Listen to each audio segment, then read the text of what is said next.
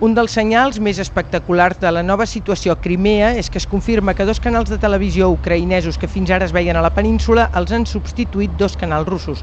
Però n'hi ha més. Ara els soldats no identificats ja no són als carrers, però els han substituït els cosacs actuant com a grups paramilitars que vigilen institucions com el Parlament.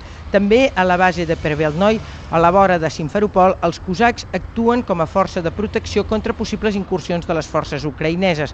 Però allà, qui realment vigila són els soldats fantasma perfectament equipats que fan guàrdia sota la pluja. També grups d'autodefensa civils.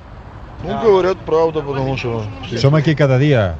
La gent arriba aquí perquè té por de les provocacions i té por que pugui venir la gent de Maidan, Klitschko i tota aquesta gent. Боятся провокации, которые Кличков...